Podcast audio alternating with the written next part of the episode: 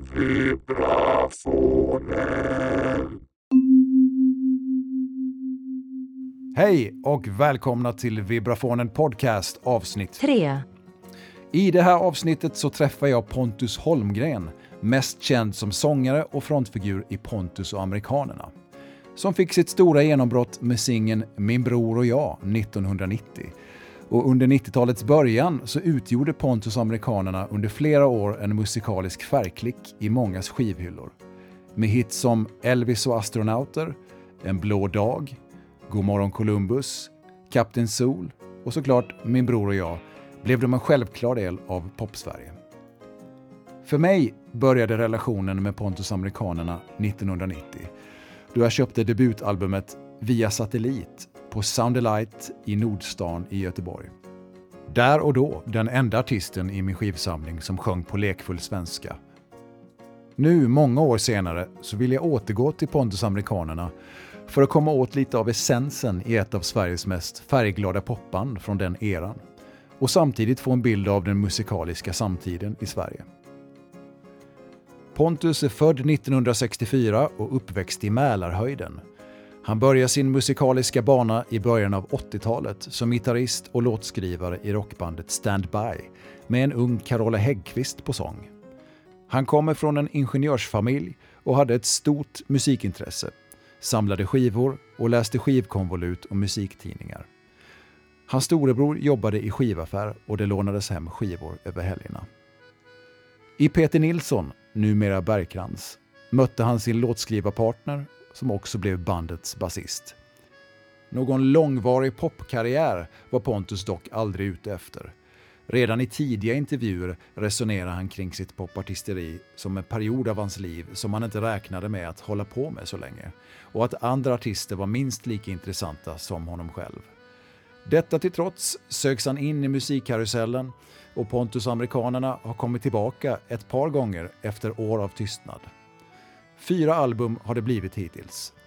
Så nyligen som 2019 kom singeln Folk som oss och ett turnerande i anslutning. Pontus arbetar sedan slutet av 90-talet som copywriter och han var vänlig nog att ta sig tid och prata med mig om sitt musikliv, genombrott, storhetstid, nedgångar, pophistoria, comeback, skivor, låtar, texter, återföreningar. Och jag tycker nog att vi lyckades komma närmare den musikaliska och stilistiska essensen av Pontus Amerikanerna. Och Pontus var precis så skarp, trevlig och villig att prata popmusik som jag hade hoppats på. Och han bjöd på många historier, erfarenheter och anekdoter. Mycket nöje.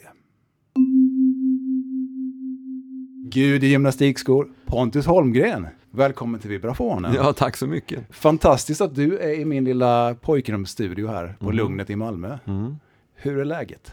Det är jättebra, tack. Ja, Ja. Jag har varit i Köpenhamn på disputation här igår. ah, Mm. häftigt. Mm. Min brorsdotter som är högpresterande, eller säga, men som är duktig och ambitiös har nu lyckats ta sig dit. Mm. Du, såklart känd från Pontus amerikanerna. Mm. Eh, och jag skulle jättegärna prata med dig om den tiden, om bildandet av bandet, Mm.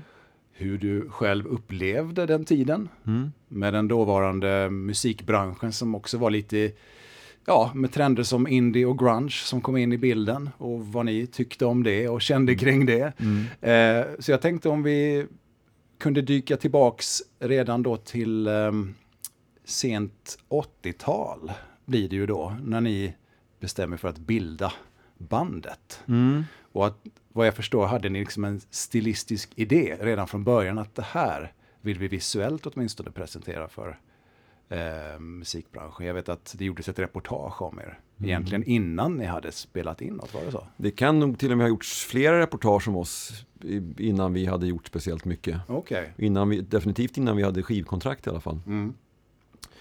Ehm, ja, det där är väldigt, eh, det var ganska individstyrt. Alltså det var, bandet var till att börja med bara jag. Det var min idé Mm. om att jag ville eh, starta ett nytt band och få chans att börja göra skivor och göra låtar, att ge ut låtar. Mm. Det var det som var ursprungliga drivkraften. Eh, och sen så på något vis, hur jag nu, det, jag kan inte förklara det, men jag tror jag förstod att det krävdes mer än bara musik för att man skulle kunna nå igenom bruset och mm. nå ut. Och då på en fest när jag var, jag vet inte hur gammal jag var, jag var väl lite runt, lite över 20, sådär, bit över 20. Så träffade jag en kille som var yngre än vad jag var. Han var kanske två år yngre än vad jag var. Som, jag hade då ambitionen att bli popartist och han hade ambitionen att bli fotograf. Mm. Han heter Mårten Levin. Okay. Och då på den här festen så minns jag att vi satt i någon sån här loungeaktig miljö, han och jag i varsin stol. Och sen så gjorde vi en deal med varandra att om du fotograferar mig, då kan du hjälpa mig att bli popstjärna och, och jag är ditt objekt så kan det hjälpa dig att bli fotograf. Mm. Uh, och han var, hade, han var ju om möjligt, alltså jag, jag var inte en så här ung människa med jättestort självförtroende men jag hade nog, eh, jag hade stora drömmar och jag hade lite driv ändå liksom. Mm. Mårten var, eh, och är ju, nu har inte vi, umgås inte vi längre, det var länge sedan jag träffade Mårten, men, men han var ju väldigt orädd och enorm, hade enormt driv. Liksom. Mm.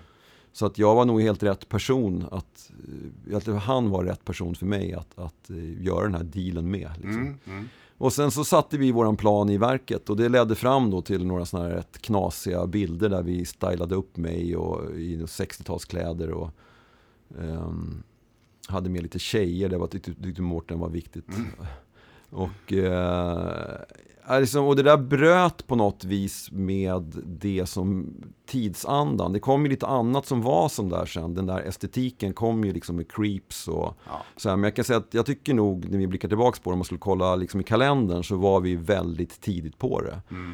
Och varför det blev den där estetiken, jag tror att vår generation hade ju en, eh, alltså jag är född på 60-talet, då är ju, ofta så blickar man ju tillbaka några årtionden för det man tycker är coolt, liksom, om, man ska, om man ska göra retrogrejer. Mm. Och vi var, tror jag, rätt generation för att tycka att 60-talet var coolt helt mm, enkelt. Mm. Vi kunde minnas det men vi hade inte upplevt det på något sätt. Ja, ehm, så att, eh, och de där bilderna gjorde ju jobbet liksom. De tillsammans med lite demos och lite rätta kontakter gjorde att vi fick ju uppmärksamhet då i i tidningar då. Mm. Aftonbladet, Kjell Hägglund i Aftonbladet hakade på. Och, mm. och, och, det, och, också om den där tiden då, så varför den där blev estetiken, varför det blev den där estetiken handlar tror jag dels om hur vår generation var som jag sa, men också att det var ett läge i historien för någonting nytt. Att 80-talet hade ju präglats väldigt mycket av eh, ganska storvulna och lite dystra tongångar liksom mm. i, i vad kan man säga, i um, fotspåren efter postpunken liksom med Echo the Bunnymen och mm. The Cure och sånt där. Som slog, slog an en ton, och som Tom Waits, det fanns ganska artister som var på ganska olika håll som ändå hade det här lite mörka och mm. lite allvarliga över sig. Mm. Och jag gillade sådana artister också. Jag var ju bland annat, liksom, jag tyckte ju Thåström och Imperiet var helt fantastiska och såg dem massa gånger och sådär. Mm. mm. Samtidigt så var man, man ville bort från det där. Och vi, jag minns att jag, vi pratade mycket om, jag och några kompisar, om det här med begreppet pop. Och det här lättheten och färg och badbollar. Mm. Och, och det fanns ju på, under 80-talet en sorts motrörelse som ju aldrig fick riktig, eh, riktigt utrymme i Sverige. Men som puttrade på i England. Mm. Och eh, det var en hel del så nordengelska och skotska band som hade anammat det där. Det liksom nu pratas det ju om det ganska ofta, men det var ju en ganska, som jag minns det, ganska marginaliserad rörelse när det begav sig med alltså mm. Orange Juice ja, och precis. de här skotska banden som kom mm. med på, på Postcard Records och mm. eh, vad heter han, Roddy Frame, Asti Camera. Mm. Uh, och uh, Prefab Sprout och ja. sånt där som ju var, kanske var nog mer en studieprodukt på många sätt. Men, men, uh, och den där, de banden gillade jag väldigt mycket också. Och de var, de, det var liksom den grejen som jag försökte ta avstamp i. Okay. Och hade, jag hade ju spelat i band då när jag växte upp, som, vi, som du vet då med Carola bland annat. Och, ja. då, och då var det ju mer, då var man ju glad man fick ihop någonting som lät som en låt. Och sen när den där eran var över och jag kände att jag ändå ville fortsätta med musik. Mm. Då hade jag en period när jag liksom helt ensam började göra demos och lånade någon porta och mm. började fundera på vad är egentligen, då hade jag liksom vuxit till lite i huvudet också så jag kanske kunde analysera det där med låtskrivande lite. Mm. och började fatta att ja, men det är vissa beståndsdelar man kanske bör ha i en låt. Så jag, jag har demo som jag har gjort när jag är kanske 21 år, så här, som låter som rena rama liksom, As the Camera rip-offer. Ja, ja, okay, okay. Mm. Men då någonstans här så kommer då Peter och Lars Yngve med i processen och bildandet av bandet. Ja. Eh, ja, framförallt Peter, eller inte, Lars Yngve Vasa är ju förstås också viktig. Mm. Eh, jag hade, jag hade, jag vet inte hur det är nu för tiden, om det är lättare liksom med internet och så. Nu verkar ju unga människor inte bilda band på samma sätt som vi gjorde i vår generation. Eh, men man hade ju svårt att hitta varandra och jag tyckte det var svårt i den där åldern. Eh, jag var uppväxt i Mälarhöjden söder om stan, så här villakvarter, nästan så nära man kan bo i villa i, i Stockholm, in till city liksom. Mm. Eh, och hade spelat då med ungefär samma killar hela min uppväxt och kände att jag behövde liksom komma vidare. Och gjorde det där grad, gradvis liksom sådär. Och vi kom plötsligt läge jag insåg att jag måste ha en, någon som kan spela bas ordentligt.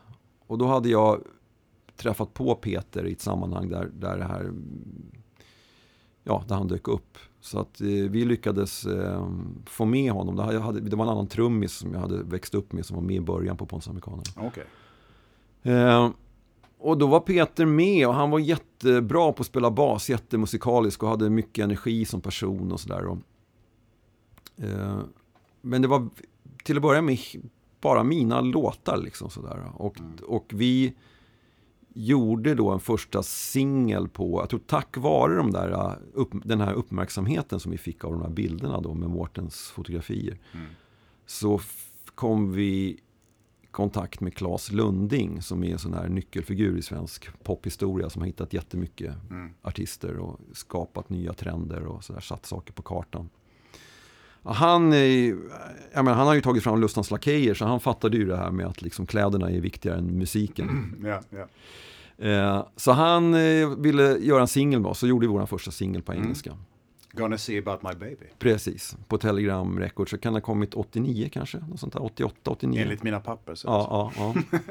Enligt internet. och där någonstans så tror jag att, eh, att Peter då förstod att ja men det här är ju, för han hade ju också spelat i band och i söderförort, i andra söderförorter hela sin uppväxt och, mm. och sådär.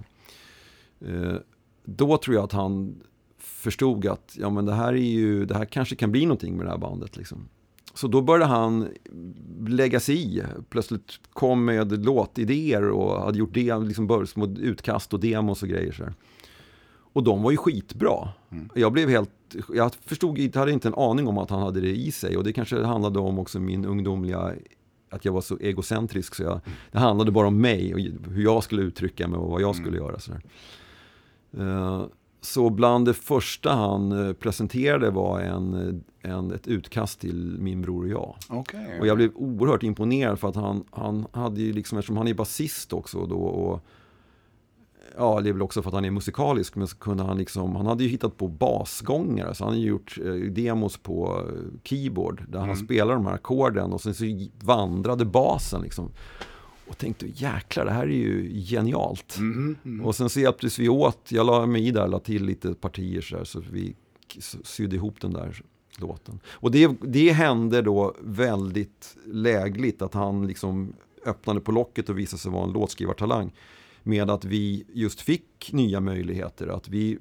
Claes Lunding hade inte riktigt tid på oss, med oss för att vi, vi på Telegram där, vi var lite udda fåglar för att han satsade egentligen på dansmusik. Och, alltså han hade ju Leila K, Titio, Robin Rass, Robin Rass eh, Papa D mm. och det där. Och eh, det var ju liksom en härlig krets och vi var ju inne lite grann i den här världen. Och det var, det var ju Titius då dåvarande man och producent Magnus Frykberg. Det var han som satt, alltså han såg oss live. Mm.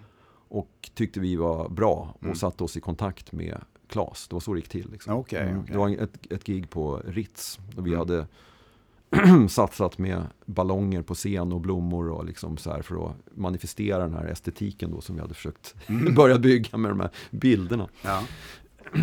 ja, nej men och då så hjälpte Claes över oss till Sonett Grammofon då som var ett gammalt svenskt fint skivbolag som inte finns längre som nu är, har ingått i Universal så länge.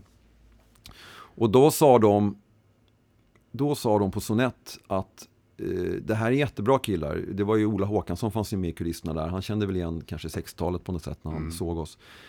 Eh, och då ska man veta att då hade Jakob Hellman hunnit slå igenom där 1989 och blivit mm. liksom, ja, men nya, den nya stora svenska popstjärnan kan man säga. Så plötsligt så var den här estetiken och det här som vi pratade om tidigare, det som tillhörde vår generation, plötsligt började det bli lite mainstream. Mm. Och skivbranschen började förstå att ja, men det, här är, det här går att sälja skivor med sådana här artister. Så Sonett sa så här, ja vi kan gärna satsa lite mer på er här, eh, men vi kan inte prova att göra det på svenska. Underförstått, vi på Sonett Grammofon, vi vill ha vår egen Jakob Hellman. Mm. Och då hade Peter kommit med den här utkastet, så då satte jag mig ner och jag jobbade länge med det där. Jag var så orutinerad så jag förstod, jag hittade på den här titeln väldigt tidigt, min bror och jag. Men jag funderade säkert i två veckor om det var en bra titel. Mm. Idag skulle jag förstå det på två sekunder att det var en bra ja. titel. Men jag hade inte det, den, jag var inte så tränad liksom. Nej. Och den, i och med att vi hade skrivit den låten så så hade vi liksom, då var det som att allt var på plats. Att Vasa var på trummor, det, det är ju intressant men det blir så många detaljer kring, mm. kring det tänker jag. Mm. Så att Vasa kom med och han, Vasa blev väldigt viktig för oss som ett kollektiv och som en figur. Liksom. Mm. Förutom att han var en väldigt bra trummis ja. också. Oh, Grym trummis. Liksom. Mm. mm. Så det var en viktig pusselbit. Men rent det här, om man pratar låtskrivarmässigt så var det ju Peter och jag som liksom gjorde det. Mm. Så det var många, och allt det där följt på plats väldigt snabbt. Så att från att ha varit väldigt skissartade, diffusa idéer i mitt huvud tack vare mötena med de här människorna så, så föll allting på plats. Liksom. Okay. Mm. Och sen när, vi, sen när min bror och jag var gjord, vi kände ju under egentligen hela produktionen att det här är, det här är en hit. Liksom. Mm. Uh, det, man, jag har bara känt det två gånger, det var då och Columbus egentligen. Okay, vilket också okay. blev bandets två största låtar. Mm. Men Peter mm. då, um, jag tänker vi pratade om um, influenser och band och sådär. Ja. Hade ni många gemensamma nämnare eller hade han någonting annat med sig in i låtskrivandet som du inte hade med dig? Till jag skulle säga att vi har väldigt mycket samma. Även ja. om vi skulle kunna liksom skilja på namn och sådär så är vi väldigt präglade av det som hördes på radio och de skivorna man köpte på 70-talet. Mm. Det skulle jag säga. Mm. Jag, är, jag är mer en skivnörd mm. och har kanske varit genom hela livet, framförallt fortsätter att vara. Alltså, så att mm. jag konsumerar nog Alltså jag, ja, jag är mer en skivnörd kort och gott tror jag. Mm. Uh, och, eh, men uh, jag menar Peter är, han såg Sweet på Konserthuset 74 eller någonting sånt. Det är en sån där viktig grej. Liksom. Mm. Att, ja, det är vår generation. Det, är många ja, som det. det finns sådana hållpunkter som alla refererar till. Men ja. ni hade liksom, ni hade eh, klassiska brittiska storheter med både alltså, som Beatles och Kinks. Och ja, ja, ja, Beatles, absolut. Gyllene ja, ja, ja, absolut, av, absolut. Ja. Mm. Beatles var ju liksom en ständig referens. Ja. Ja, vilket det var för många av de här artisterna tror jag. Som, ja, precis. Men som du säger också nu och bekräftar, många hakade på det här 60-talsprylen. Jag mm. tänker på ett mm. band som Stonecake. Ja, och de mötte vi förstås. Ja. ja.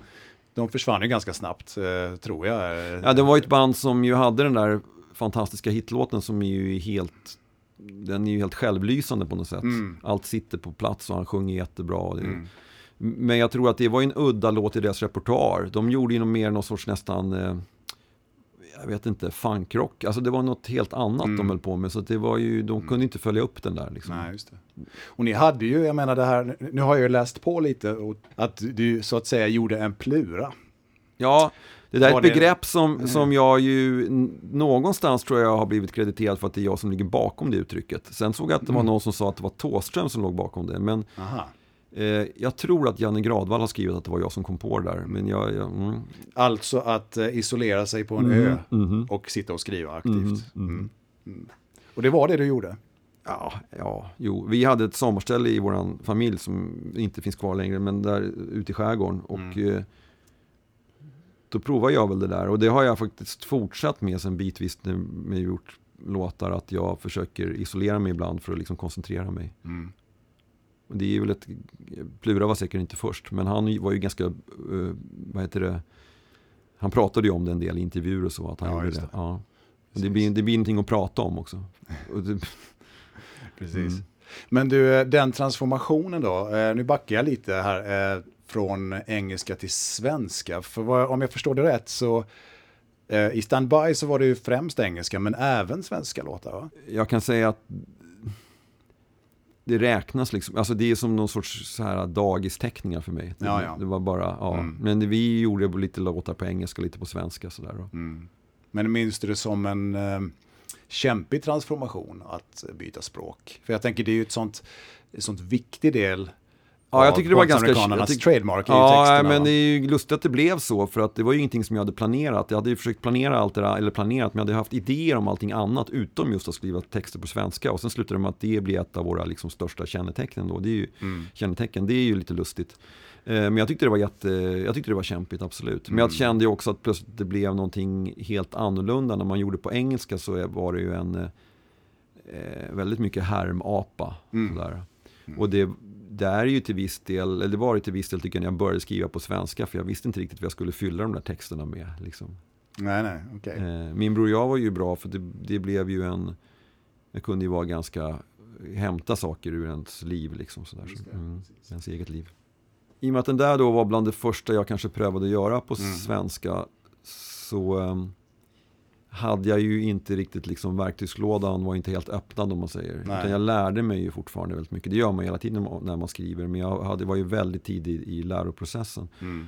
Och jag, kan, jag, jag minns att jag reflekterade lite senare på den här låten i och med att det är en så viktig låt för vårt band och det blev ju också en viktig låt för mitt liv. Liksom. Det var ju väldigt mycket som hände tack vare den låten. Mm. Så hade jag, om jag hade varit lite mer rutinerad och gjort, kommit på den där låtidén, eller textidén, då hade jag nog varit mer noga med hur fördelade innehållet i, över raderna om du förstår. Ja. Mm. Eh, alltså precis det du det du är inne på. Hur länge ska man en tanke, hur länge behöver den vara kvar? Hur många Mm. rader behöver man ägna åt den där tanken för att den ska bli Mm. för att den ska kommunicera och bli, bli begripbar. Mm, Liksom. Eh, men det, är ju, det var ju tur då att jag lyckades.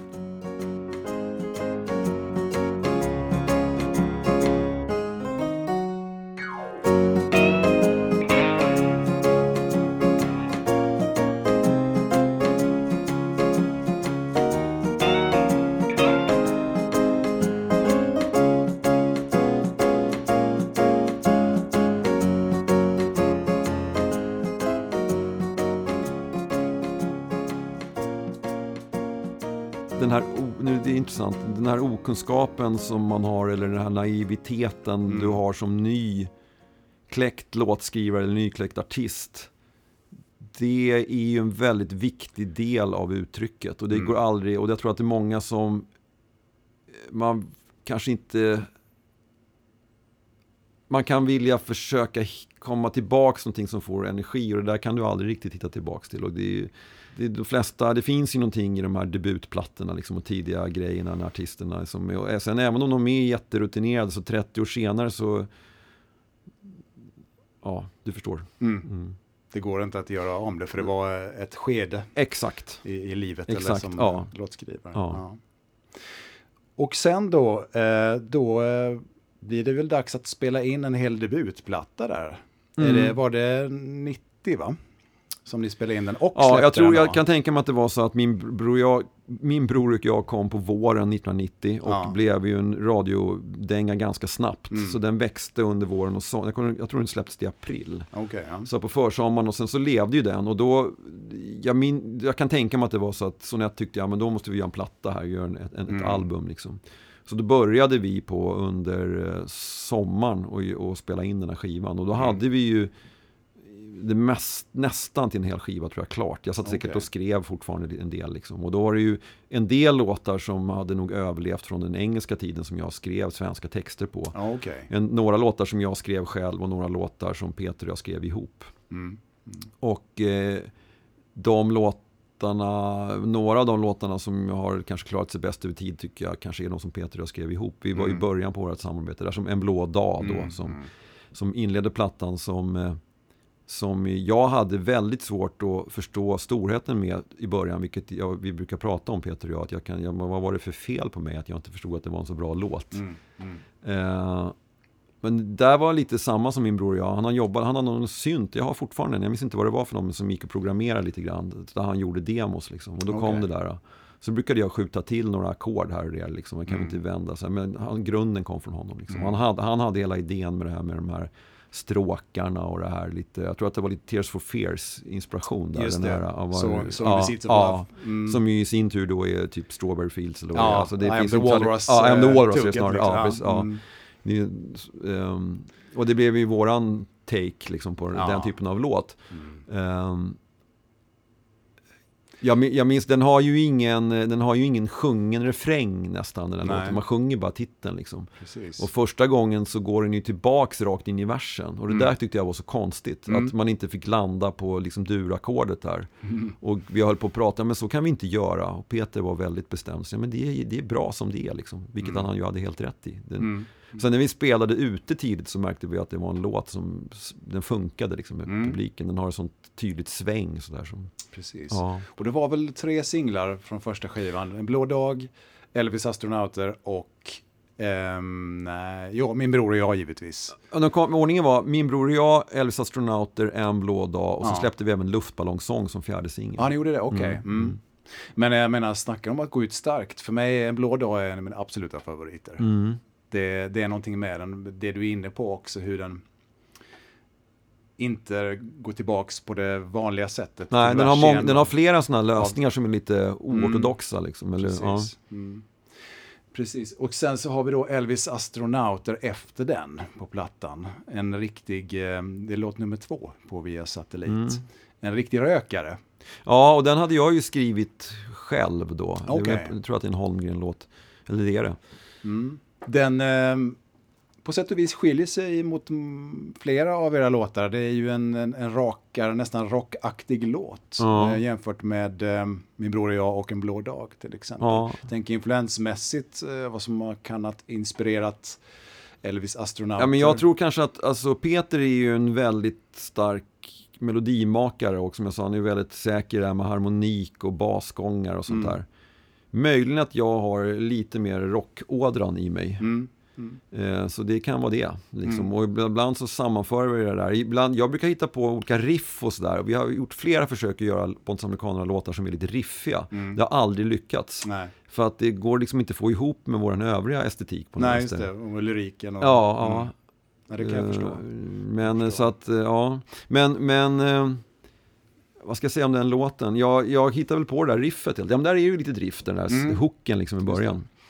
Eh, och sen är det ju en, en Costello-stöld. I, det är Veronica där, ganska Ja, rakt ja, av ja. en Mm. bit in i refrängen. I should have known. Ja.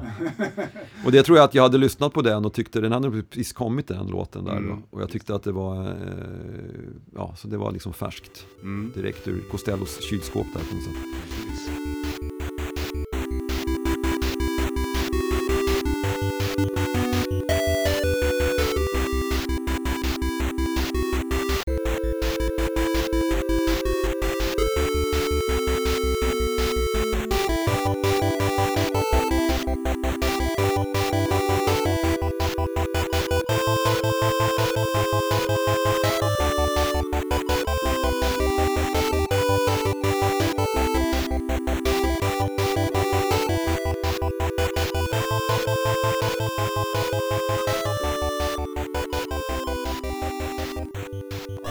Kan jag säga om den låten? Jag kan säga så här, jag kan, jag kan säga så här att eh, jag skrev den där texten eh, och det, den är influerad då av att eh, jag, en av mina första starka popupplevelser, så här uppvaknande, det var när jag såg Elvis Presley på den här... eh, Aloha from Hawaii. Exakt, 1971 tror jag det var. va? Mm. Och den gick ju, som jag tror i alla fall, den gick ju via satellit och live över hela världen samtidigt. Jag tror det var den första sån, sån sändning, rockkonsertsändning som var live över hela världen. Ehm, och jag blev väldigt tagen av det där, så att Elvis blev sen min första popidol nästan kan man säga. Mm. Ehm, och eh, det var väl en inspirationskälla då. Mm. Och att jag lite grann speglade mig själv då, att jag var en ny popidol och att vi var ett, alltså ett nytt band och vi, nu, ja sådär. Mm.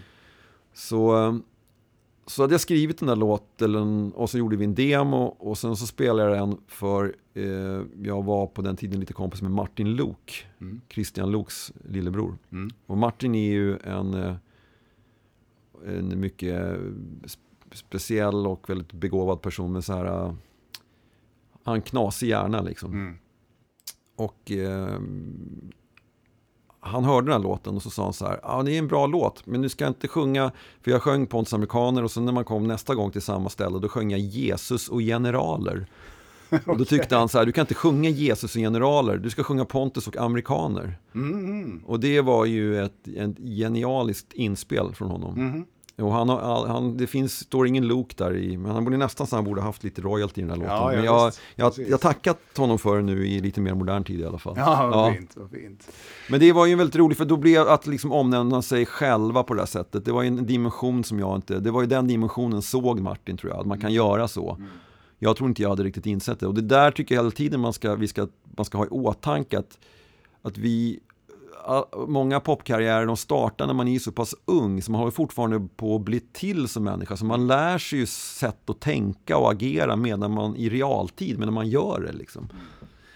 Um, ja, Eh, vad jag förstår har du haft ett genuint musikhistoriskt intresse kring bland annat eh, Beatles och eh, brittiska popvågen där. ja. Som då smyger sig in, eh, eller inte smyger sig, men som letar sig in ganska naturligt i ditt sätt att skriva text. Att du Mm. gillar musik, eh, böcker, musiklitteratur. Ja, just det, ja. Att du hade liksom den personen.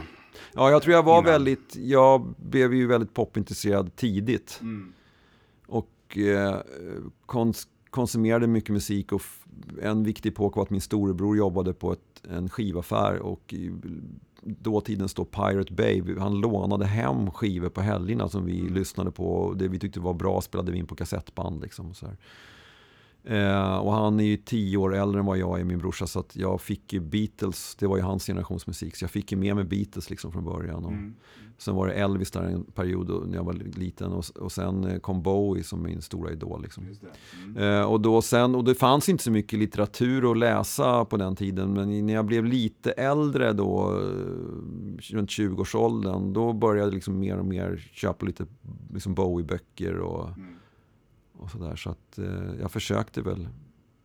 Men det var inte, man ska komma ihåg att det fanns inte så mycket att konsumera runt artister Nej, nej. när jag var liten. Det var ju liksom en suddig bild i Dagens Nyheter och några rader liksom recension från någon konsert. Och, Sen var det ju albumen, albumen var ju allt liksom. Just det. Mm. Men jag tänker, jag, jag blickar tillbaks lite eh, och tänker på intervjuer jag sett med dig och er genom åren. Mm. Så fick jag nog ganska snabbt uppfattningen att du är en person som gärna pratar om musik i allmänhet. Eh, om det, till exempel Pontus Americana med ett, program så kom det ofta att handla om eh, ett, ditt allmänna intresse om musik. Mm. Eh, det är därför jag tar upp detta, för att jag tänker att du hade en trygghet och också en stilistisk bild via det på något sätt. Vilka delar av pophistorien vill du ha med dig in i det här? eh, Ja, jag pratade nog mycket om det i början också och lite grann som att eh, det, var också, det, häng, det hänger också ihop tror jag med det här brottet från 80-tal till 90-tal. Mm. Att det kändes lite som att det som hade inspirerat mig och tror jag många andra i vår generation, det var ju den här kraften som fanns i Beatles och som jag sen såg i Bowie också. Som någonting som var väldigt eh, färgsprakande och idérikt, eh, nyskapande, eh, ganska positivt mycket av det också. Liksom det, det svängde ju när vi kom in på 70-talet. Jag menar, Bowie är ju en, bitvis en ganska dystopisk eh, artist liksom. Men han är ju inte bäckmörk liksom, utan det är ju ganska mycket som är i dur och sådär.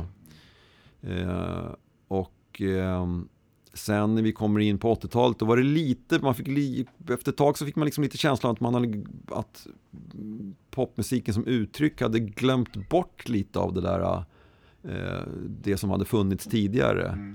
Eh, Men, eh, och det var det som jag tror jag uppskattade i några av de där brittiska banden, att man, som vi nämnde där, SD Camera och vilka det nu var, att de tog upp den där eh, eh, stafettpinnen liksom.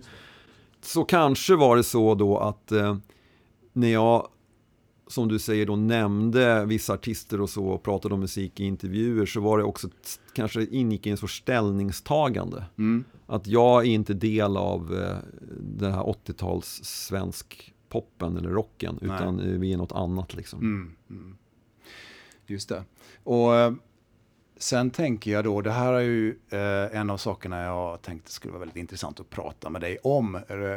Inte så långt senare, kanske runt 91 91 där, eh, lagom till den första, eh, förlåt, andra platta, Följer ett spår. Mm. Då har ju det börjat bubbla i indie och eh, grunge-världen. Mm. I, eh, världen över mm. och, och, även i Sverige, i synnerhet indie-världen. Um, ett annat sound, en helt annan inställning i vissa avseenden mm. till um, musikbransch och så vidare. Märkte du av det liksom på något sätt um, runt 91, 92 sådär att nu är det någonting annat som gäller? Liksom? Jag, jag tror liksom att man man kan inte förstå innan hur fort det går i popbranschen och hur fort det kommer liksom nya klasser eller nya generationer, sådär, nya uttryck. Även om man följer den utifrån mm. och som ett fan eller som lyssnare så förstår man inte mekaniken liksom, i den förrän man är i den själv. Mm.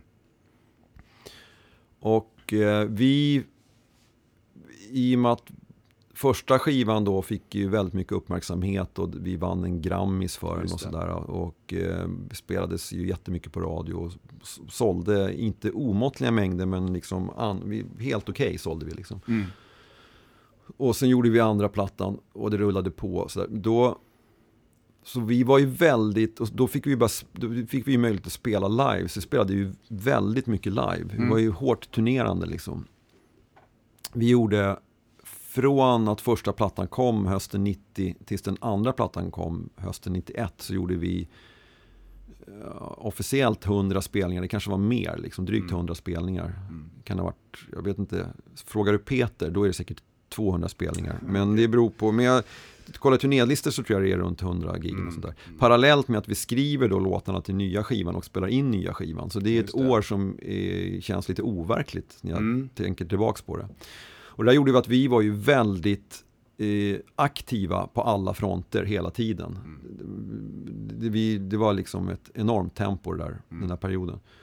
Och då, någonstans under där så tror jag att det var som du sa, att då började, jag är osäker på om det var under 91 eller om det var 92, mm. som när, har du tittat i kalendern när de indiebanden börjar släppa sina alltså, plattor? Alltså spontant, nej det har jag inte gjort, men jag, för mig var det nog mer 92. Ja.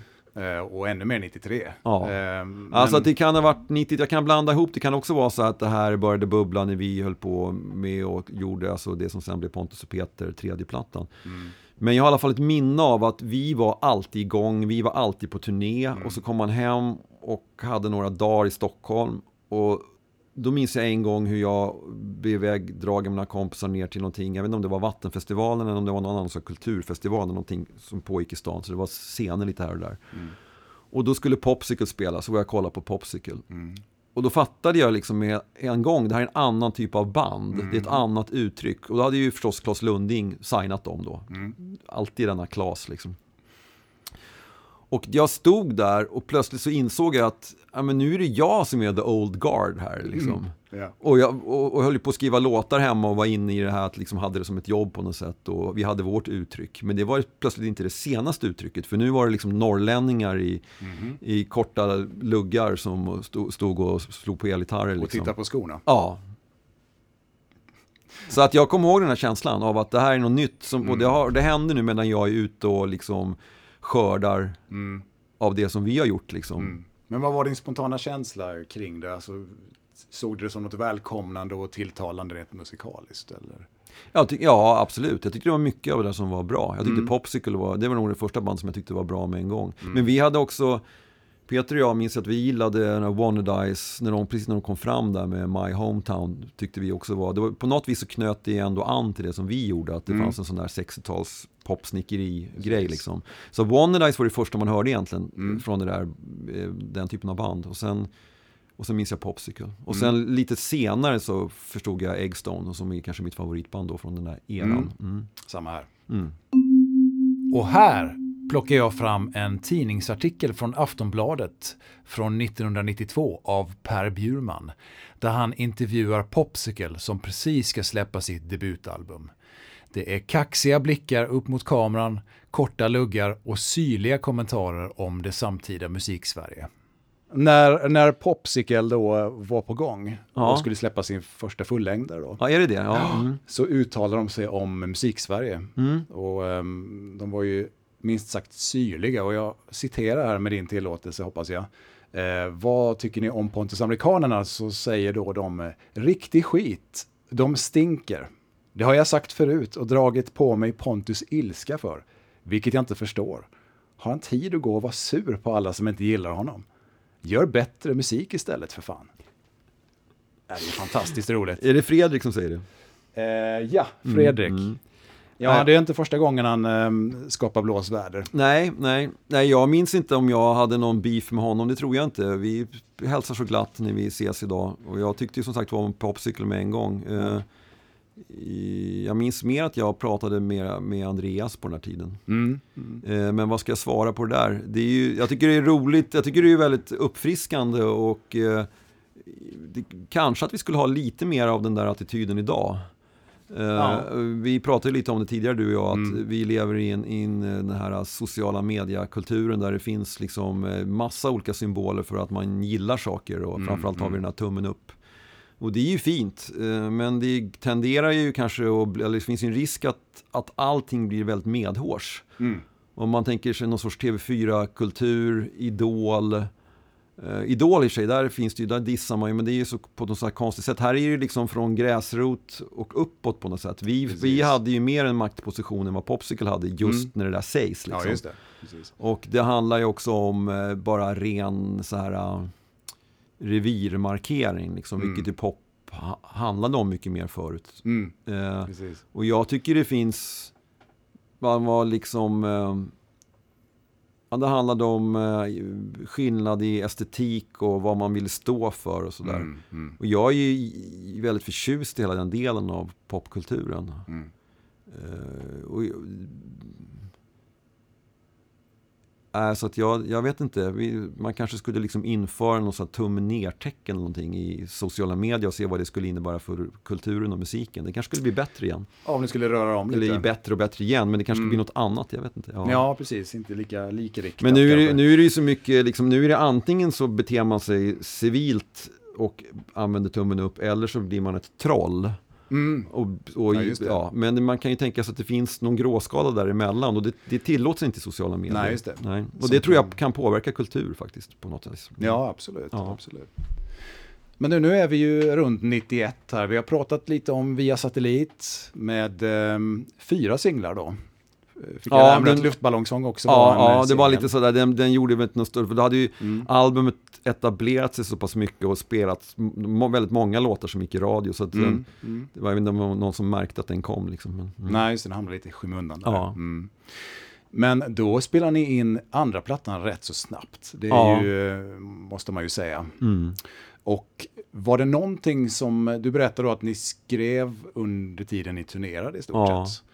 Var det någonting som var annorlunda inför eh, andra plattan rent inspirationsmässigt eller musikaliskt eller omständigheter? Som dels, så, den? dels så blev ju det en skiva där Peter skrev majoriteten av musiken. Okay. Eh, och så att eh, det som påbörjades i låtar som eh, En blå dag och eh, eh, jag vet inte, Blåbär Blues och jag kommer inte ihåg vilka vi har gjort mer på första skivan. de låtarna det samarbetet blev ju liksom manifesterat på andra skivan tycker jag. Mm, mm. Och jag, eh, så det är en stor del. Och sen så textmässigt så började jag ju experimentera lite mer. Mm. Och jag hade någon idé om att, att apropå Beatles då, att försöka ta deras lite mer de här texterna från den psykedeliska perioden med eh, alltså Sgt. Pepper eller Strawberry Fields och den mm. typen av eh, som var väl någon mind expanding liksom knarktexter. Mm. Åtminstone så har det, brukar det talas om dem ja, som det. Sen vet man ju inte vad som var sant och inte sant med det där. Men att den typen av fantasifulla, lite så surrealistiska texter kan man säga. Mm. Att jag tänkte att det kan man väl pröva att göra på svenska. Mm. Så Kapten Sol är ju liksom Sgt. Pepper på svenska. Aha, okay, okay. Och en inspirationskälla där var att när vi var på turné så brukade jag läsa kvällstidningen på vägen hem på söndagen och då var det alltid Kalle och Hobbe om det mm. var i mm, Aftonbladet mm. eller Expressen. Och det fanns en värld där tyckte jag i Kalle och Hobbe som var väldigt intressant för man visste, det var ju var, gränsen mellan dröm och, och verklighet var ju liksom mm. utsuddad på något ja, sätt. Ja. Och det där tyckte jag var väldigt fascinerande. Mm. så där liksom Beatles och Kalle Hobbe kan man säga är inspirationen både för Kapten Sol och för Godmorgon Columbus-texten. Ah, okay, okay. mm, mm. Ja, det är ju två, alltså Godmorgon Columbus blev väl, eh, gissar jag, är den största. Jag tror det, ja, det, den har ju vuxit i det om man nu tittar på Spotify. Ja. Eh, och den rent listmässigt, vi låg ju högt på Svensktoppen och så vidare med den mm. låten. Och den, då, så jag tror att det var nog det, men jag är lite förvånad att min bror och jag inte riktigt hänger med på Spotify nu. Den har också mycket lyssningar. Men, mm, mm. men när det hände så var ju min bror och jag en minst lika stor låt, upplevde mm. jag det som. Men mm. sen är det där, vi hade byggt momentum, så när andra plattan kom så hade vi ju en, det fanns ju liksom en spotlight på oss och vi sålde mer skivor och ja, så vidare. Det. Ja, mm. precis. Men Kapten Sol är ju en riktig rökare, ska jag säga. Ja. Då, eh, på den tiden så var det ju den som föll mig mest i smaken. Är det så? Ja, ja. absolut. Mm. Ja, det är ju väldigt mycket en, en Peter-komposition. Uh, jag var inne och petade i någonting där minns jag, men att han, det är i stort sett hans låt helt och hållet liksom. Och mm. att han... Uh, han hade sjungit någonting på refrängen på en demo som jag, han brukade sjunga helt knasiga grejer som jag skulle sen när jag skulle höra på låten. Liksom. Då sjöng han Jag gömmer mig för Johnny nu. Och då tyckte jag att det var någonting, jag gömmer mig, att det, det lät så bra liksom. Så ah. det blev avstampet för, okay. för texten. Ja. Vad har du gjort Johnny, tänker jag. Precis, det får du fråga Peter om.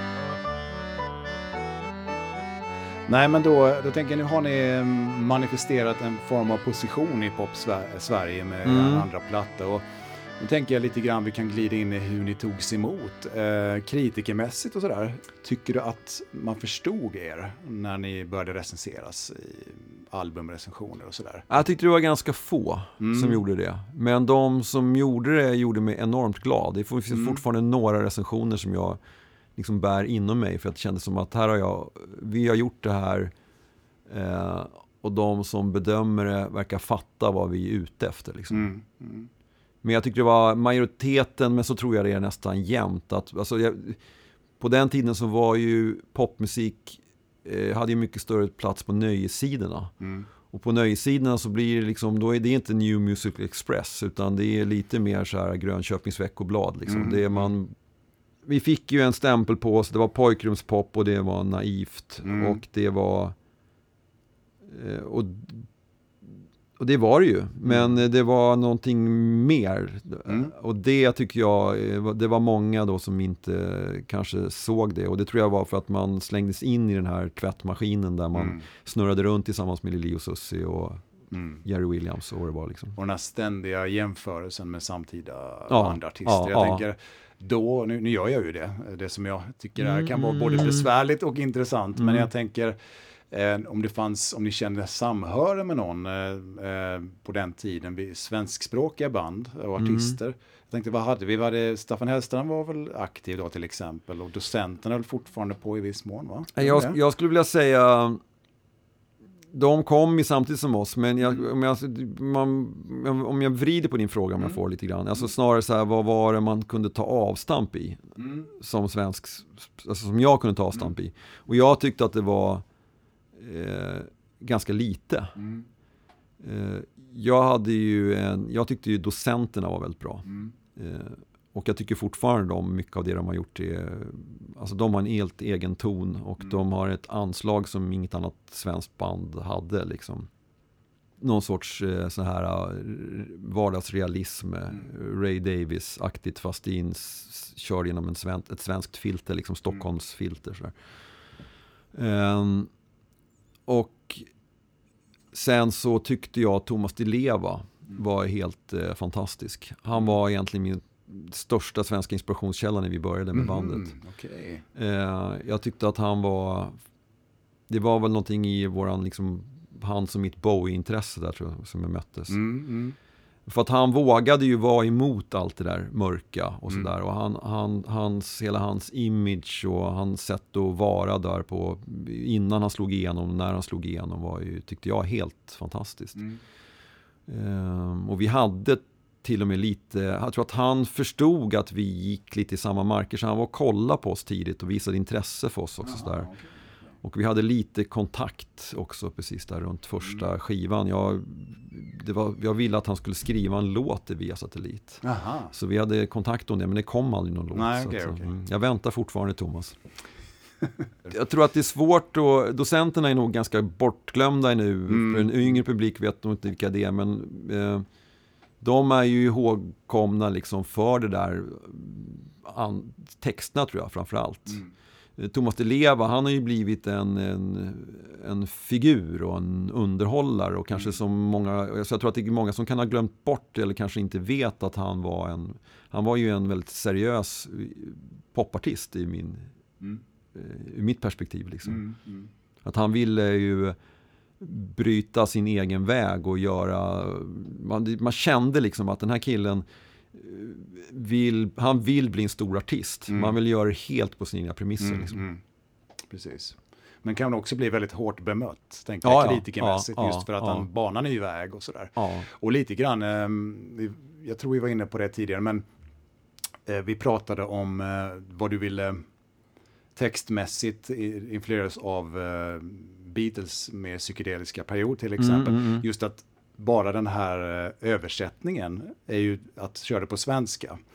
Om folk inte köpte det, eller tyckte att det var naivt och pojkaktigt, Mm. så har de ändå, många av dem redan köpt det fast det var det engelska språket. Det visar ju någonstans vilket stort kliv det är Mm. att gå över från eh, engelska till svenska. Mm. Liksom så. så att, eh, Jag var ju, ja men absolut, jag, jag var ju ehm, en, en sidotanke här då i runt Godmorgon Columbus. mm. var ju en låt som eh, vi kände tidigt hade, ja, det fanns en kraft liksom, det här är en bra låt. Mm. Redan när vi hade, Peter hade gjort melodin. Och sen hit, började jag hitta orden då som fäste på vartefter. Och sen så när, den var, när vi ansåg att den var klar, då var jag osäker, alltså när vi hade gjort produktionen färdig till och med, så, var jag osäker på, är det här en för abstrakt text? Mm. Kommer människor kunna ta det här till sig liksom? Mm. Eh, vilket de gjorde då, liksom busloads. Det blev Mm. en superhit. Mm. Eh, och det är en sån här grej som jag kan tänka på ibland att, att man eh, det är mot, ibland är liksom världen motsatsen till Bert Karlssons eh, Folk är inte så, så dumma som man tror, de är dummare sa han va. Det är egentligen det. mer precis tvärtom, folk Mm. är mycket, mycket smartare än man tror. Liksom. Mm. Nej men det där vi pratade om då när jag såg Popsicle eh, nere på stan och insåg att det var någonting nytt. Mm. Eh, vi hade, det, finns en, det fanns ju en skillnad där, jag kände, man kände spontant att det här är någonting nytt. Och en skillnad där var ju då också att vi som Pontus Amerikaner var ett band som Även om vi och jag hade då tänkt att vi skulle på något sätt lämna 80-talet bakom oss så tror jag att vi, när vi blev upptagna och mus- in- välkomnade in i musikbranschen, så när vi började göra våra skivor så, så, så var vi väldigt mycket som en, åt- ett, åt- en 80-talsakt. Mm. Att vi fick eh, direkt möjlighet att vara i stora fina studios som kostar pengar och där måste man kunna då, eh, eftersom vi inte gjorde liksom musik som eh, var programmerad eller sådär så så skulle man ju då spela och då behöver man ju liksom använda den här studiotiden på bästa sätt. Eh, Så då tog vi in studiomusiker för att de, vi jobbade tillsammans med ljudtek, så ärrade ljudtekniker som hade ett kontaktnät. Så plötsligt så satt vi där med, det var liksom samma musiker på våra plattor som det var på allt från, jag vet inte vad jag ska dra till med, liksom Ann-Louise Hansson, det är kanske är en konstig referens, men, men eh, Roxette eller, ja du vet, Mm. sådär. Och ehm, det var ju det var ju bitvis helt fantastiskt, alltså Mm. kul. Bland annat Kjell Öman var med på vår första skiva. Det är en gubbe som kanske är bortglömd nu, men han var liksom Hammond-kungen i Sverige. Och han var också kapellmästare på eh, det här eh, Allsång på Skansen, eh, gamla versionen med Lasse Berghagen och dessförinnan. Så. Mm. Och en helt fantastisk keyboardist. Och han, han finns då inspelad på hur mycket svenska skivor som helst. Mm. Ehm, och eh, Ja, men så han var med och spelade piano när vi la grunden till Blåbär Blues på första skivan. Och det, han spelade helt fantastiskt. Liksom. Jag tror aldrig jag sett Peter så glad som när vi hade gjort den tagningen. Liksom. Det var lite så här som det var i Los Angeles kan jag tänka mig. På 60-talet med The Wrecking Crew. Liksom, att det fanns session-snubbar som var grymma liksom, och som gjorde mycket av jobbet. Och Beach Boys var bandet men det var Wrecking Crew som gjorde så att, eh, så, och så hade vi ju då, alltså att Peter och Vasa var ju ett jättebra, en jättebra grund liksom. Vi hade ett bra eget sväng liksom i bandet fanns det eh, Men det där sättet att jobba eh, lärdes vi in i och sen så gjorde vi våra skivor på det sättet. Mm. Och jag tror att hela indie-grejen, ja, som det låter då, som namnet säger, det är independent liksom. Det, man gjorde allting själv mm. på något sätt. Mm. Och det är mycket möjligt att om vi hade startat vårt band några år senare, då hade vi kanske också varit mer ett sånt band. Liksom. Mm, ja, det. Men det går ju inte, idag kan jag ju varken tycka, jag menar jag är ju så glad att vi gjorde det vi gjorde, att det blev så pass bra liksom. Mm. Och det var fantastiskt att få möta alla de här otroliga musikerna också. Ja, precis. Mm. Vilken ära liksom att få ja. sina låtar utsmyckade, ja. Ja. Det måste vara magiska ögonblick i ja. studion. Ja, ja, ja. Mm. Sen var det ju en del kämpande i studion, En blå dag. Den har, vi ju, den hade ju, den har ju någon sorts liksom tidiga samplade stråkar i sig. Mm. Och den, eh, då synkade man den där eh, maskinen, vad det nu var för någonting, med ett, med ett spår på 24-kanalen. Mm. Och när vi höll på att mixa låten så insåg jag att det liksom sitter inte. De hela stråkarna sitter inte. Nej, så vi, ja, så vi mm. åka dit med den här stora maskinen, vad det nu var för någonting, mm. igen, liksom göra om det där. Så det var att komma fram till den här produktionen, som egentligen inte låter så märkvärdig idag, det var en, en stor, stort arbete. Ja, jag förstår. Mm, mm. Ja, 90 debutplatta, 91 uppföljaren, 93 kommer nästa platta, Pontus och Peter. Mm. Och då är det bara ni som är grunden i amerikaner. För Vasa har en egen idé om han vill göra med mm. Big Money mm. etc. Med mm. Ena tvillingen eh, Rongedal. Heter Precis, ja, vilka Magnus och även hans brorsa Henrik var med. De var ju med och körade på våra skivor. Just det, ja. mm. precis. Vad var det som var annorlunda då? Förutom eh, eh, Vasas Um, Frånfälle, ja, eller man ska säga, eller frånvaro kanske man säger. Mm. Ja, jag tror att en stor del var att vi var väl, en stor skillnad var att vi var väldigt trötta efter mm. allt vi hade gjort. Uh, och så kände vi ändå en uh, press på oss att leverera ett nytt album. Mm. Då hade musiken lite grann blivit som ett jobb. Mm. På ett lite tråkigt sätt. Låtskrivandet hade blivit lite som ett jobb. Okay. Mm. Låtarna ska göras, det ska göras en ny skiva. Mm. Eh, och utan att vi hade egentligen någon jättetydlig idé hur vi skulle ta det vidare kan jag säga. Mm. Och jag tycker att det hörs på låtarna att de är, de, det är på väg på något vis. Även om, om, om de är på väg till samma adress, men de är på väg till lite olika adresser. Men vi, vi vill någonting, men det har inte riktigt fallit på plats kan jag tycka. Nej, okay, okay. Eh, så att vi hade kanske behövt eh, jag tycker inte den är jättedålig, men det hade, det hade, vi hade, det hade kunnat blivit en annan skiva, tror jag. Faktiskt mm. Mm. Den andra skivan hade nog inte kunnat bli på något annat sätt än den blev. Liksom. Nej, nej, just det. Precis.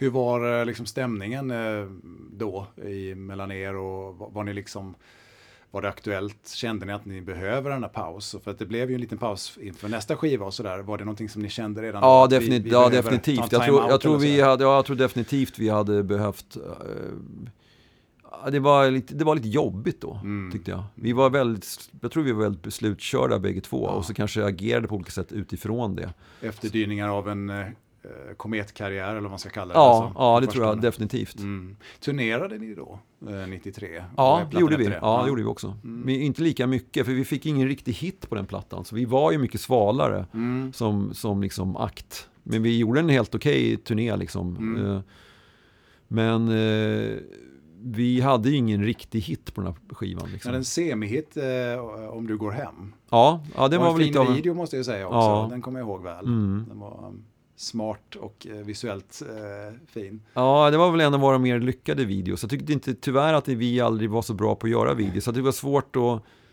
att styra det där. Jag tyckte mm. det var mm. jättesvårt att göra videos. Eh, det var det vi var sämst på. Jag tycker men... en blå dag-videon är rolig. Ja, jo, ja, men den, de är väl okej okay, liksom. Men en, de är... en upptäckarlust också. Ja, som, jo, jo, jo, jo, jo. Äh, skojig. Ja, men om du går hem är väl den låten på den där, en av de låtarna på den plattan som är... Där försöker vi bryta ny mark, mm. Eh, tycker jag. Mm. och lyckas väl ganska bra. Mm. Uh, faktiskt. Det har du rätt i. Det letar in uh, ett annat sound, ett litet uh, kanske Manchester-sväng i trummor ja, och ja, liksom. ja, en liten finurlig wah-wah-gitarr innan refrängen. Så att det, det, men det är ju fortfarande eran um, låtskrivare.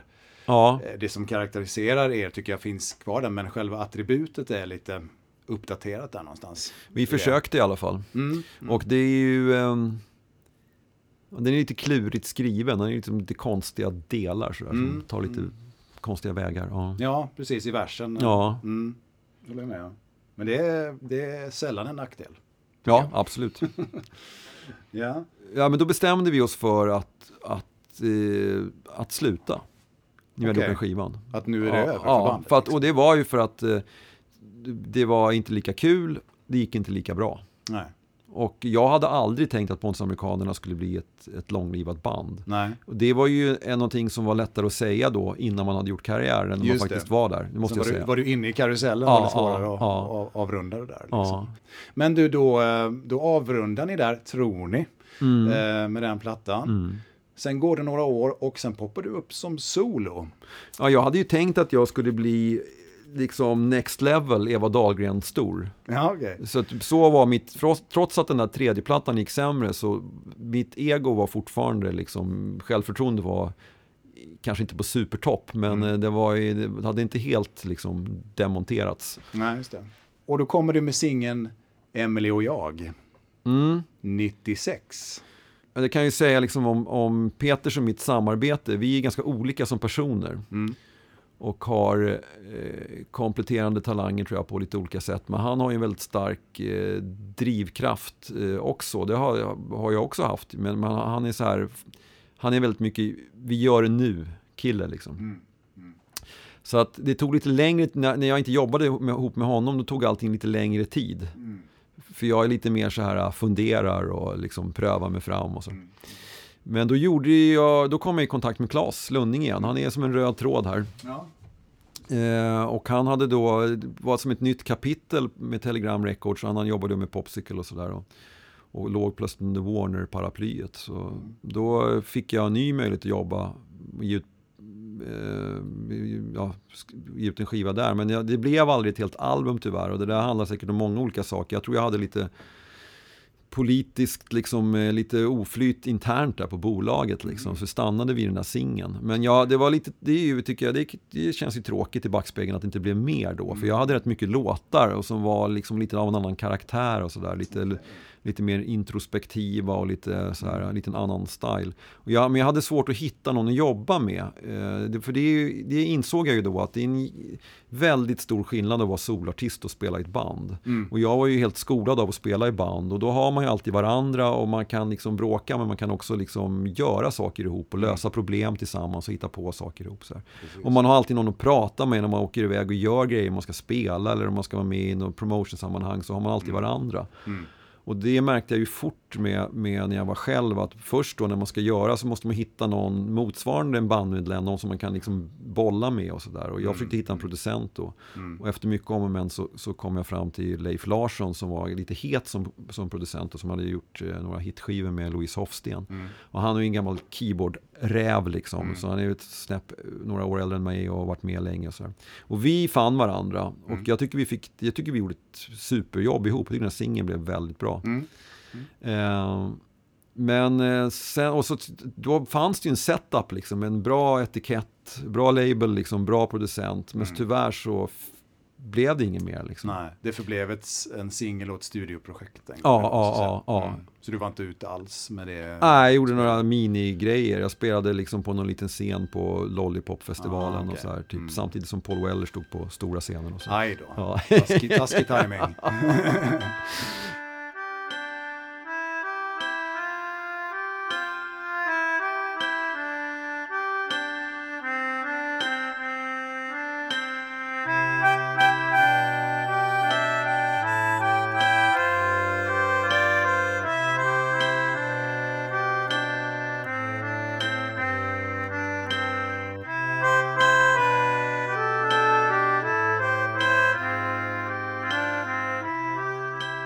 Sen går det två år och 1998 är Pontus Amerikanerna tillbaks Mm. med plattan Casino. Vad har hänt då? Lusten och samarbetet har börjat fungera igen. Och Vasa är tillbaks också. Ja, vi tjatade in Vasa där. Jag kommer, jag kommer inte ihåg, jag kommer inte, jag kommer inte ihåg hur det där kom sig. Förmodligen var det Peter som tjatar. Det är alltid han som tjatar på att vi ska göra någonting. Liksom. Okej. Jag säger ofta nej. Men ibland säger jag ja. Så det kanske var så enkelt att han tjatade. Och sen, så, sen är det oftast att vi, eh, om vi sitter och börjar spela lite gitarr ihop och visar upp låtidéer, då blir det så kul. Så plötsligt är man igång. Liksom. Mm. Mm. Och då, så jag tror att det var lusten att skriva låtar, det är oftast det som har drivit igång det. Mm. Vad gjorde du under de åren? Liksom? Var du fortfarande aktiv inom musikbranschen på något sätt då? Eller? Ja, alltså, jag var nu under när jag, när jag gjorde Emily, jag, Emily och jag-perioden, då var jag ju liksom, såg jag ju mig som musiker fortfarande. Mm. Här hade jag väl börjat, runt kasinon tror jag påbörjade mitt liksom, lite mer civila liv med att jobba med att skriva saker. Mm. På uppdrag oftast, liksom lite reklamaktigt sådär. Okej. Mm. Jag tror det hade smugit igång då. Mm. faktiskt. Ehm, ja, nej men så att det var ju, vi tyckte det var kul att göra låtar igen och då var det väl den här Innan sommaren tar slut som blev första singeln. Det var väl en av de första låtarna som vi kände liksom vi fick till det sådär. Och det var också en sån här låt man, vi kände tidigt att det, här, det är någonting med det här liksom. Mm. Och där, eh, det är en låt som Peter kom med grunden till och jag, jag var väl, eh, jag var med och la mig i lite där också tror jag. Mm. Där hittar Hitta, ni- hittade på det där riffet gjorde jag. Det är liksom Ah. typiskt, eh, det är, om det är som en riff då kan det ofta vara jag. Inte alltid, men ofta. Mm. Det är gamla rockgitarrister som Ja. kommer fram. Ja. Nej men den har ju en eh, klassisk Pontus Amerikanerna-karaktär. Tycker jag ni Ja. hittar tillbaks till där. Med den låten i synnerhet.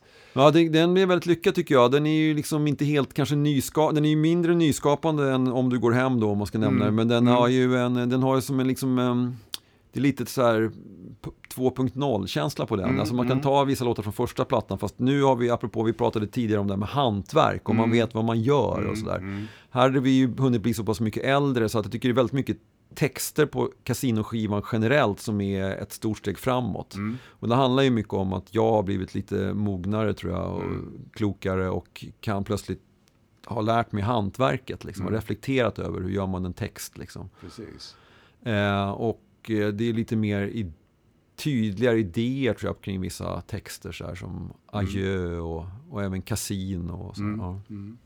Hur var mottagandet av den då? Det var väldigt blandat. Mm. Jag tror det var många som man, man får ju alltid misstänksamma blickar på sig när man gör comeback. Det är ju, Mm. Även fast alla gör comebacks så är alltid skribenterna tveksamma till fenomenet comebacks. Mm. Liksom.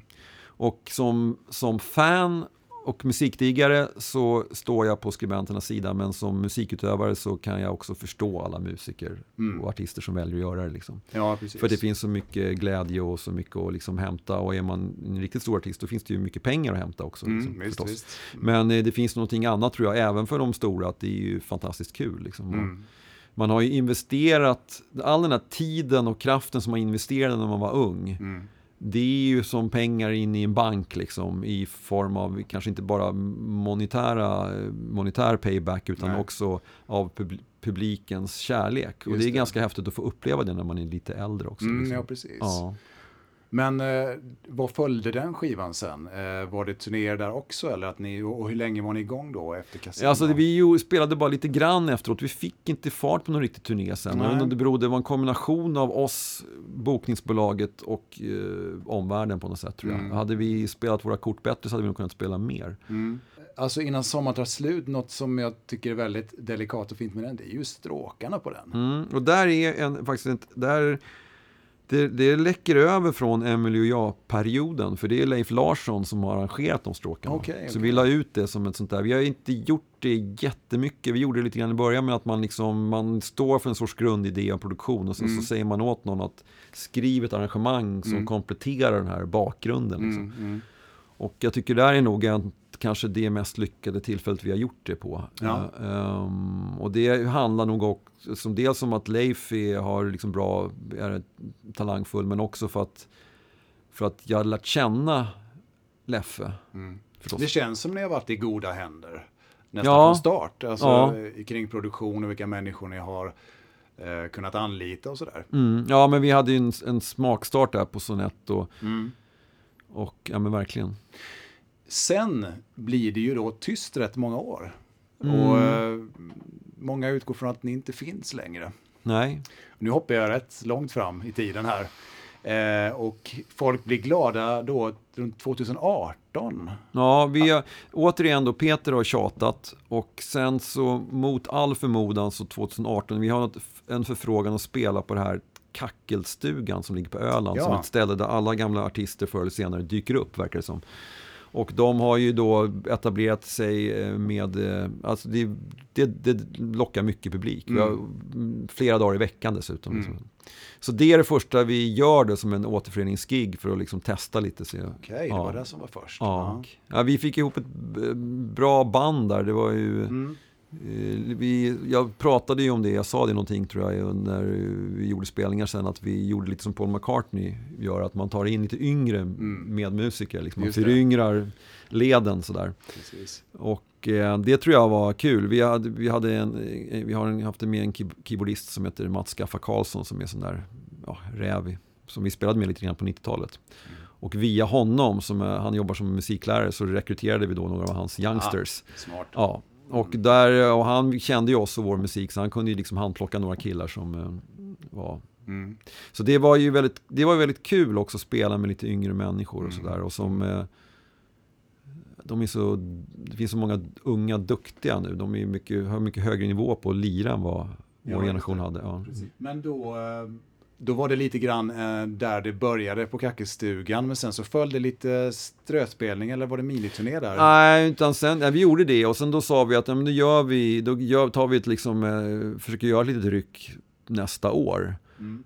Och då så hade Peter och jag hade hållit på och gjort låtar faktiskt under flera år. Mm. Eh, men aldrig gett ut någonting. Nej. Och vi hade en låt som vi tyckte var väldigt bra som heter Alla faller. Mm. Eh, och sen när det började närma sig, för då bestämde vi också att vi skulle turnera. Vi släpper en ny låt och så turnerar vi lite i sommar. Och så pratade vi, hittade vi ett bokningsbolag. Liksom. Mm. Vi hade gjort några små, vi spelade på Rish.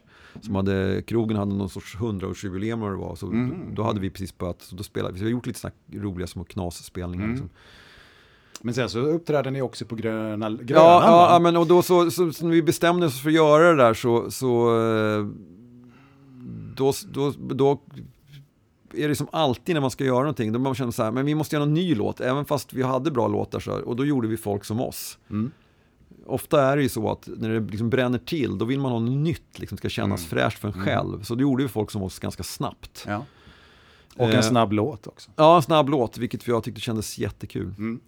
Och då gjorde vi en del promotion och då var vi med ibland på sommarkrysset där som mm. du kanske tänker på. Mm. Ja. Och där framförde ni också Alla faller. Ja, som eh, inte i, i sändningen, Nej. men den ligger, på, det är som någon sorts pausgrej och sen så ligger den på, låg på TV4s play. Mm. Tror jag, så. Ja, mycket trevlig låt. Ja. Hade, hade gärna sett som singel också. Ja. Men var, låg det fler låtar eh, som var på gång där? Ja, vi har massa låtar från den här eran. Men ja. om jag känner oss rätt så är det kanske några få som kommer att överleva om vi, om vi nu skulle göra någonting igen. Ja så gissar jag att vi kommer skriva nya låtar. Liksom. Okay, okay. Jag tror det, vi får se. Det kanske finns något som överlever. Men mm. vi har jobbat Vi har jobbat med massa låtar. Mm. Mm. Så vem, vi, vi, får se Vi får se, ja. ja.